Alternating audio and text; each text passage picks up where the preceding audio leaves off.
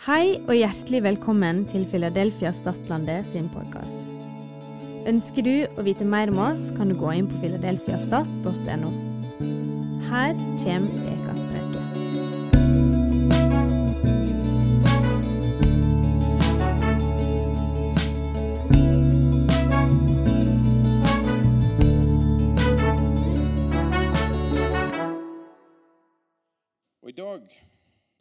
så er jo vi da i år 2023, sist jeg sjekka, siden Jesus ankom. Så i dag så er han ankommet. Det kan vi slå fast. Eh, og det er jo fantastisk. Så det som jeg tenker er logisk å snakke om eh, i advent, er jo å snakke om hans ankomst. Og eh, hvorfor i alle dager vi feirer det to, over 2000 år etterpå. Det er ingen andre jeg vet om vi feirer bursdagen til eh, så lenge etterpå. Det, det er ikke det. Men det det beviser, er jo at eh, det er noen ting som er viktig. Og til og med er det noen ting som er viktigere enn andre ting. Og så er det jo sånn, litt sånn rart med ting som er viktig. For det kan jo også være veldig opp til hver enkelt. Det kan til og med være helt uviktige ting som er viktig. Og det er fotball, eksempel. Det er jo helt uviktig. Men for mange så er jo det så viktig at hele livet sentrerer rundt fotballen omtrent. Og så kan du ha ting Det kan være en gjenstand. Det kan være til og med ei flis som du fikk når du var liten, som du har tatt vare på. Og Den kan være så viktig for deg fordi at det er knyttet opp til en hendelse. Så den er så viktig, men den er jo egentlig veldig uviktig i seg sjøl. Så det er ting som er viktige, og, min, og andre ting som er mindre viktig. Og så er det jo, Hvordan kan en finne ut av, av det? Og det har jo seg sånn at Ting som er viktige, det har en tendens til å komme fram i noe vi kaller historie. Og alle hendinger blir jo historie. Det at jeg står her nå, blir jo altså, Mens as we speak, så går det inn i historien. For det går i, i fortid samtidig som vi går framover. Så ting går inn i historien. Hendinger som skjer, går inn i historien. Og For å klare å finne ut litt hva som kan være viktig i den historien av ting som har skjedd, så er det jo å se inn i historien. Hva folk har skrevet, og hva som har blitt opplevd, og hva som står igjen.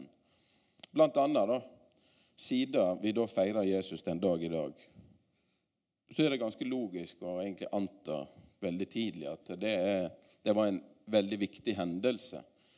Jesu ankomst var en viktig hendelse. Men jeg tror faktisk ikke at vi hadde feira Jesus i dag hvis det var bare for hans ankomst. Det var jo en jeg skulle ikke si en flott ankomst, men det var jo ikke det. Men eh, det var jo en spesiell ankomst. Han ble jo født av ei jomfru. Det er jo veldig spesielt. Det er jo liksom Da er det verdt egentlig å huske på den fødselen. Bare på grunn av det. Men så var jo det, som Raymond sa, så var det jo på en måte konger og vismenn som oppsøkte han. Og fikk liksom eh, visjon av hvem, hvem han var. og gjeterne. Altså, flere fikk englebesøk. Det var jo mye spesielt med Jesu ankomst og Jesu fødsel og den første tida til Jesus. Men det var likevel ikke så spesielt, tror jeg, at det hadde vært verdt å feire bare på grunn av de spesielle omstendighetene. Og så er det ofte sånn at eh, historisk viktige personer de blir på en måte ikke løfta opp og feira eller hugsa på før etter de er døde, ofte. Det er jo da en tør å anerkjenne noen eller si det de gjorde, var bra. Men det har også en, en annen grunn, og det er jo det at det er jo da du ser hva de har gjort i livet. Det er da du får en oversikt. Og når Jesus døde, så skjønte en jo på en måte litt mer hvem han var. Eh, og det gikk liksom opp for en at eh, oi, han er faktisk den han sier han er. Og eh, ikke bare det, men han overvant jo døden og sto opp igjen den tredje dagen. Og disse tingene der, da plutselig så blir det jo viktig å feire Jesu ankomst, Jesu fødsel. Det blir viktig å huske på. At Jødene er veldig flinke på å huske på, på å gjenfortelle. De har det som en uh, viktig tradisjon. Men det er ikke bare en tradisjon. Det er jo fordi at uh, det er veldig viktig å ikke glemme. Og Bibelen snakker faktisk en god del om det at vi, vi skal ikke glemme hans velgjerninger. Vi skal ikke glemme det Jesus har gjort. For ofte så er det jo sånn vi må, altså det, må, det er umettelig hva vi søker, hva vi vil oppleve, og hele tiden nye ting. Og jeg tenker det er flott. Det skal vi. vi skal, Gud har nye ting, og Gud har større ting. og det ligger, The best is yet to come, så de sier. Det beste ligger foran. Men vi skal også huske på det han har gjort. Vi skal også ta det seriøst. Og vi skal se viktigheten av det han har gjort i historien, og hva det betyr for oss i nåtid. Så det er noen ting som er virkelig verdt å feire, og viktig å feire. Og noen ting er verdt å huske på.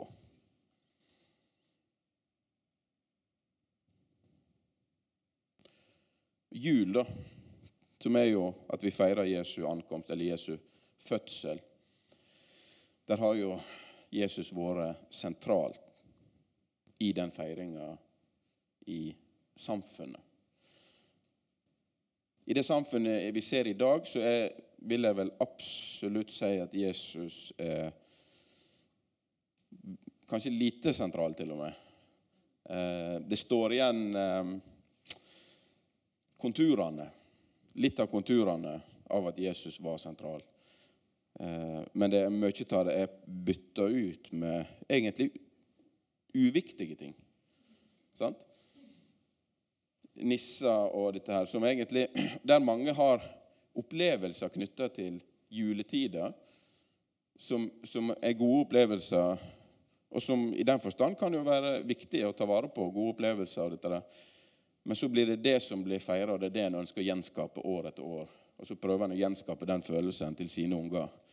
Og så er det en følelse av jul som vi prøver å gi videre. Istedenfor historien om Jesu ankomst og hvem han var, og hva han har gjort, som faktisk har substans, og som er viktig. Så bytter vi ut det som, det som har substans, og det som er viktig, med noe som er basert på hvordan vi føler oss og at det vil vi gi videre til neste generasjon. Så det er noe med å være bevisst på hva er det faktisk du ønsker å gi videre til neste generasjon? Hva er det vi ønsker å stå for? Hva viktige ting i historien ønsker vi å ta fram og holde fast på og feire for at det skal gå videre? For at vi skal kunne gi det videre og for at vi ikke skal glemme Herrens velgjerninger.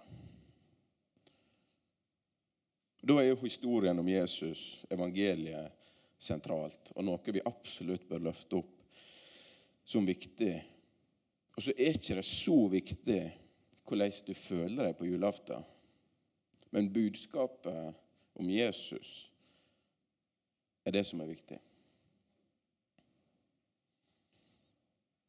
Og Så skal vi gå litt mer inn på hvorfor, og hvorfor det betyr noe for oss i dag. For vi har et håp i Jesus som har substans. Og vårt håp er en person, og det er Jesus. Jeg driver jo gard, og nå eh, så er det jo sånn at du har moms eh, annenhver måned.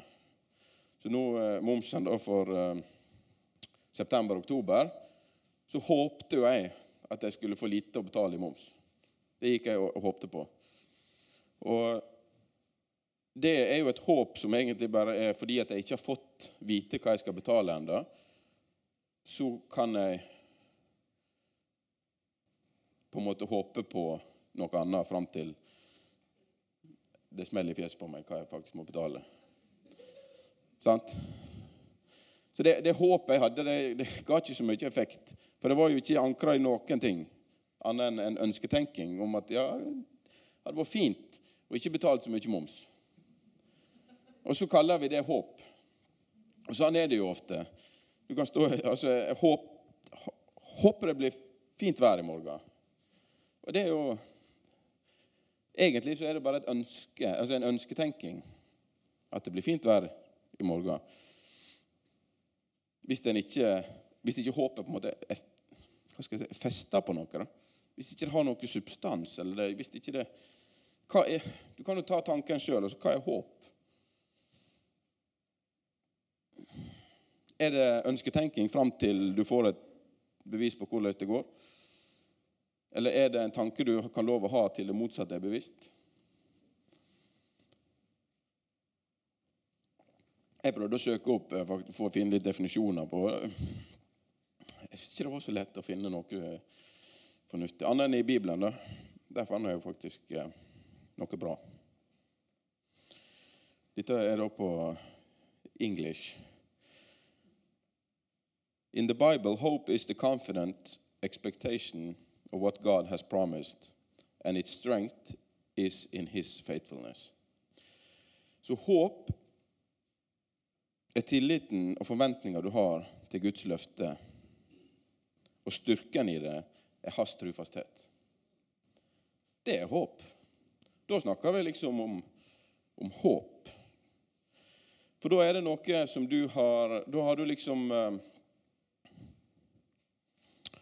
Da har du allerede fått vite hva du skal betale i moms, da. Egentlig. Og så er det på en måte Der håper det til. For du veit hva det er. Derfor håper vi på det. Og så er det litt sånn Har du tenkt på det altså, hva, hva er for, Jeg har ikke noe svar på det. Det er bare en tanke jeg hiver ut, så du skal få lov å tygge på også.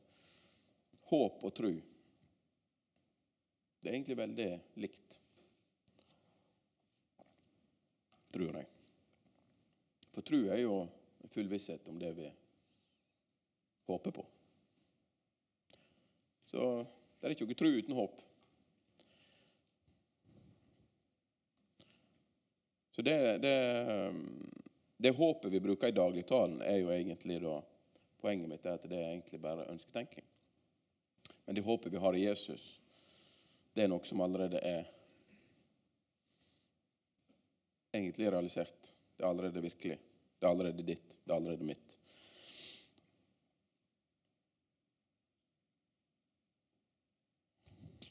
Hvis vi får opp Johannes evangeliet 1,29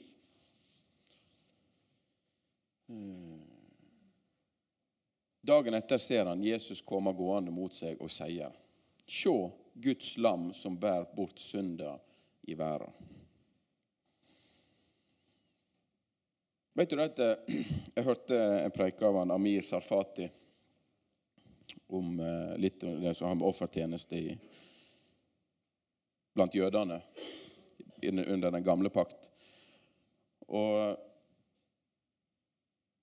der har det egentlig ikke noe sånn altså Der er ikke noe offertjeneste eller noe ofring for noe annet enn Israel. Det, som, det, ikke, det, hadde ikke noen spesielle dyr eller noen spesielle ritualer for alle de andre som ikke var jøder. Så Det som egentlig som Johannes sier her, da, se Guds lam som bærer verdens synd det, han, Amir han sa at det er, er tullete å si, egentlig, i den tida og i den kulturen og blant jødene. Fordi det var ikke noe ordning for et lam ofring eller offertjeneste som skulle ta bort verdens synd. Det var, det var veldig fjernt eh, å se det. da. Du kan absolutt finne det å se Guds At Gud har satt det opp, han. Men da må Gud åpenbare det. Og eneste plassen, sa han, der du kan se noe som ligner på det, og det er jo når uh, jødene ble tatt ut av Egypt, ble fridd ut av Egypt. Så fikk de beskjed under ene plaga at uh, de skulle slakte et lam og smøre blodet på dørstokken. Der var det ingen snakk om hvem du var, om du var jøde, israelitt eller noe sånt. Bare du hadde blodet på dørstokken. Og Passover, hva det blir på norsk? Kan noen hjelpe meg med det? Det er jo påske, men altså Ja, det er det. Men har vi et norsk ord for det? Et, ja. Men på engelsk heter det i hvert fall Passover, det de feirer, jødene. Og det er når dødselengelen kom i Egypt, og de som hadde blodet på døra av lammet, der passerte han forbi. Passover. Han gikk forbi. Og Det var det de feira også når Jesus ble ofra.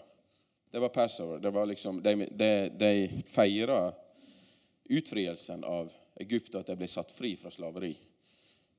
Og egentlig ved lammet, ved blodet. Og der er det jo vi ser at eh, Jesus blir Guds lam, som, tar bort verdens synd og der, Det er ikke lenger om du er jøde eller greker, eller så det står. Altså, så lenge du er menneske, og du tar imot Du tar Jesu blod, du tar det til ditt, du tar imot det han har gjort, så får du på en måte en passover. Da vil Guds dom gå deg forbi. Fordi vi har Guds lam. Så Jesus ble jo født inn i denne verden som det laveste av det lave i en fjøs. Jeg har fjøs. Jeg har sikkert en forholdsvis bra fjøs i forhold til hva jeg hadde da. Jeg hadde ikke hatt lyst til at noen skulle, annet enn sauene skulle fø i den fjøsen. Og hvis noen måtte fø i den fjøsen, så er det Det er litt stusslig. Det må jeg bare si. Og Selvfølgelig, det er lenge siden. Det var i annen tid. Men til og med der så var det nok litt stusslig. Men under den gamle pakt og i den offertjenesten så, så var jo det en hel business. Det å avle opp offerlam og offerdyr. Mye av det bøndene drev med, var jo å, å, å avle opp dyr som skulle ofres i tempelet. Og Der var ulike prosedyrer, og det skulle gjøres sånn, og det skulle gjøres sånn. Men du vet, Jesus han ble da født. Han, han er jo vårt offerlam, Guds offerlam. Det endelige offerlammet. Og han kom inn på samme plassen som offerlammet ble avla fram. Der ble han også født. Og gjeterne det var de første som fikk se, fikk komme til Jesus. Og hvem var de ute og gjeta? Jo, de var ute og gjeta offerlammet. Etter den gamle ordninga, gamle pakk, så skulle lamba være ute ett år før de kunne ofres i tempelet. Så det er klart de var ute og, og um, gjeta offerlam til tempelet. Og de var også de første som fikk se Guds offerlam i stallen. Jesus er det offerlammet som tok verdens synd.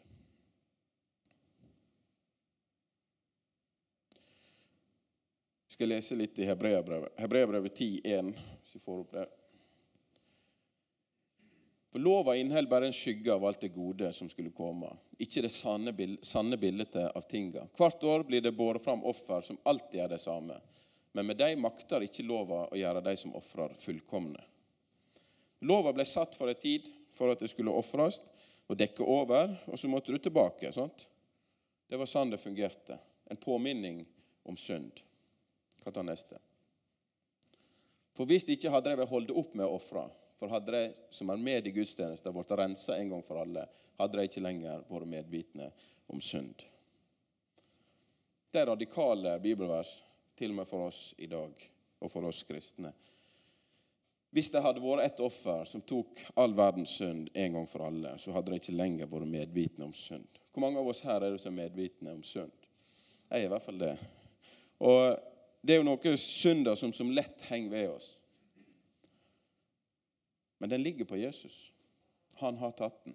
Og det er ikke lenger egentlig Ja, vi kan lese videre. Men hadde det ikke lenger vært medvitende om synd, men ofra er hvert år en påminning om synd. Videre. For blod fra okser og bukker kan umulig ta bort synder. Derfor sier Kristus når han stiger inn i verden, slaktoffer og offergave ville du ikke ha, men en kropp lagde du til meg. Brennoffer og syndoffer hadde du ingen glede i. Da sa jeg, se, her kommer jeg for å gjøre din vilje, Gud. I bokrullen er det skrevet om meg.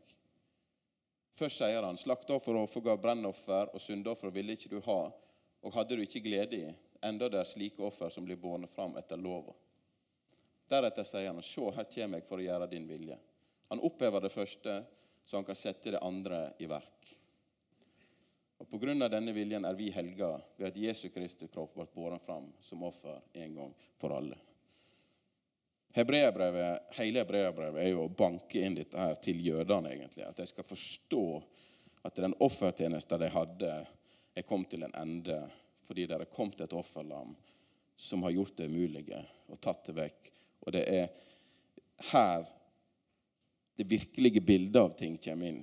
Da går en over fra skyggen til den virkelige substansen av hvem Gud er, og hva han har gjort, og hvem Jesus er. Og Det er jo her som legger grunnlaget for at vi feirer i dag advent, for at vi feirer Jesu ankomst. Jo, fordi at han utretta noe som ingen andre kunne utrette. Han tok en plass som ingen andre kunne ta. Han er verdens frelser. Han tok verdens synd. Han ga sitt liv for meg og for deg. Og han lever fortsatt. Jeg skal lese litt videre. For alle prester står daglig og gjør tjeneste og ber gang på gang fram det samme offer, som aldri kan ta bort synd. Jeg har sagt dette mange ganger, men jeg, fortsatt, jeg vil si det igjen og igjen. Jesus er vår øverste prest, og i dag så står ikke han. Han sitter, for han er ferdig. Den gamle pakt så sto det 'Jesus sitter, for det er fullbrakt'. For Jesus har for alltid båret fram et eneste offer for synder og sette seg ved Guds høyre hånd. Det var ingen plass i tempelet du kunne sitte i den gamle pakt. I dag sitter Jesus. Vi feirer jul fordi han sitter. Og nå venter vi bare på at fiendene hans skal legges ned som skammel for føttene hans. For med ei eneste offergave Ser dere hvor mange ganger det står? For med ei eneste, for med ei eneste, for med ei eneste. En gang for alle, en gang for alle. Ei eneste, en gang for alle, ei eneste. Det står igjen og igjen og igjen og igjen. og igjen. Neste. Og Den hellige ande vitner òg for oss om dette. Vi er blitt gitt Den hellige ande, som hjelper oss til å se dette mysteriet om hva han har gjort. Som gjør at vi feirer han til jul, vi feirer han til påske. Vi bør egentlig feire han hver dag. Han er vårt håp Lovsangstimen kan komme opp, og så tror jeg vi bare skal runde av der. Men det viktige her er at vi har et håp som er festa en plass, som er noe, som har en substans. Der har vi et anker inn i et håp som eh, vi ikke kan finne egentlig i denne, i denne verden. Og det håpet, det sier at Altså, det håpet er Jesus Kristus. Da det er at han har tatt verdens synd. Det er at han har tatt din plass. Uavhengig av hva du føler,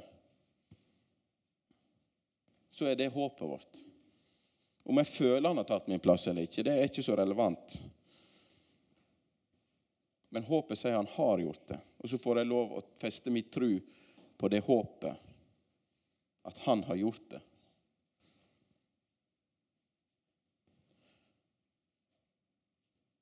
Og så er det også sånn at det tror vi er virksomt. Og jeg opplever det i mitt liv, at det håpet er virksomt. Når jeg får feste mitt håp på Han, så kjenner jeg at det er noe i meg som responderer til at jeg vil ha mer av Jesus. Jeg vil høre mer om, om Han som har gjort dette for meg. Jeg vil ha mer av Han. Jeg vil løfte fram det som Han har gjort. Jeg vil fortelle mine unger om hvem Han er. Jeg vil fortelle folk jeg kjenner, hvem Jesus er, fordi at Han har gitt meg et håp som er helt fantastisk. Og i dag, i mitt liv, så får jeg lov å håpe. Så får jeg lov å tro. Til og med ned på de minste hverdagslige ting så, så tror jeg at Gud er med meg. Så tror jeg at Gud er for meg. Så tror jeg at Gud vil velsigne meg. Og jeg tror Gud vil velsigne deg. Jeg tror han hører meg. Jeg tror han hører oss. Jeg tror han hører deg når du ber. Jeg tror han er nær deg. Jeg tror han går ved din side. Jeg tror han ønsker oss godt. Jeg tror han ønsker å gi oss helse. Han ønsker å helbrede oss. Han ønsker at vi skal gå i ferdiglagde gjerninger. Han har gjort klart alt. Det tror jeg. For jeg har et håp at det han gjorde, var godt nok. Og Det håper jeg det Bibelen forteller. Det er det historien løfter opp. Det er derfor vi er i år 2023. Fordi det skjedde noe. Det kom et håp inn i denne verden som vi får lov å feste vår tro til. der er en før og en etter Jesus Kristus. I historien så er det en før og en etter. I mitt liv, i ditt liv, så er det en før og en etter. Det vil alltid være en før og en etter Jesus Kristus på alle plan. Vi må huske på å løfte opp det som er viktig, og det vi finner i historien som er viktig. Det som er noe å gi videre det som er bevist igjen og igjen, er noe å bygge på. Det som løfter mennesket opp, det er Jesus Kristus. Det budskapet han har gitt oss. Det er advent, det er hans ankomst. Det er jula. Det er det vi må feire. Og vi skal feire det med å fortelle historien om det igjen og igjen og igjen. Og vi skal òg feire det med å kunne løfte opp Korset er jo et symbol. Det er jo egentlig et fullstendig uviktig symbol. Men fordi Jesus gjorde noe med det, en hendelse, så er det blitt sentralt i det vi tror på. Sanne ting kan være viktig, og det er ting som en ikke En gjør lurt i å ikke glemme Guds velgjerning og det han har gjort. Nå kan vi røyse oss og så lovsynge. Takk for at du hørte på. Har du spørsmål eller ønsker å koble deg på kirka, ta kontakt på mail eller gjennom vår nettside. Håper du vil høre på neste uke også, eller at vi sees på gudstjenesten.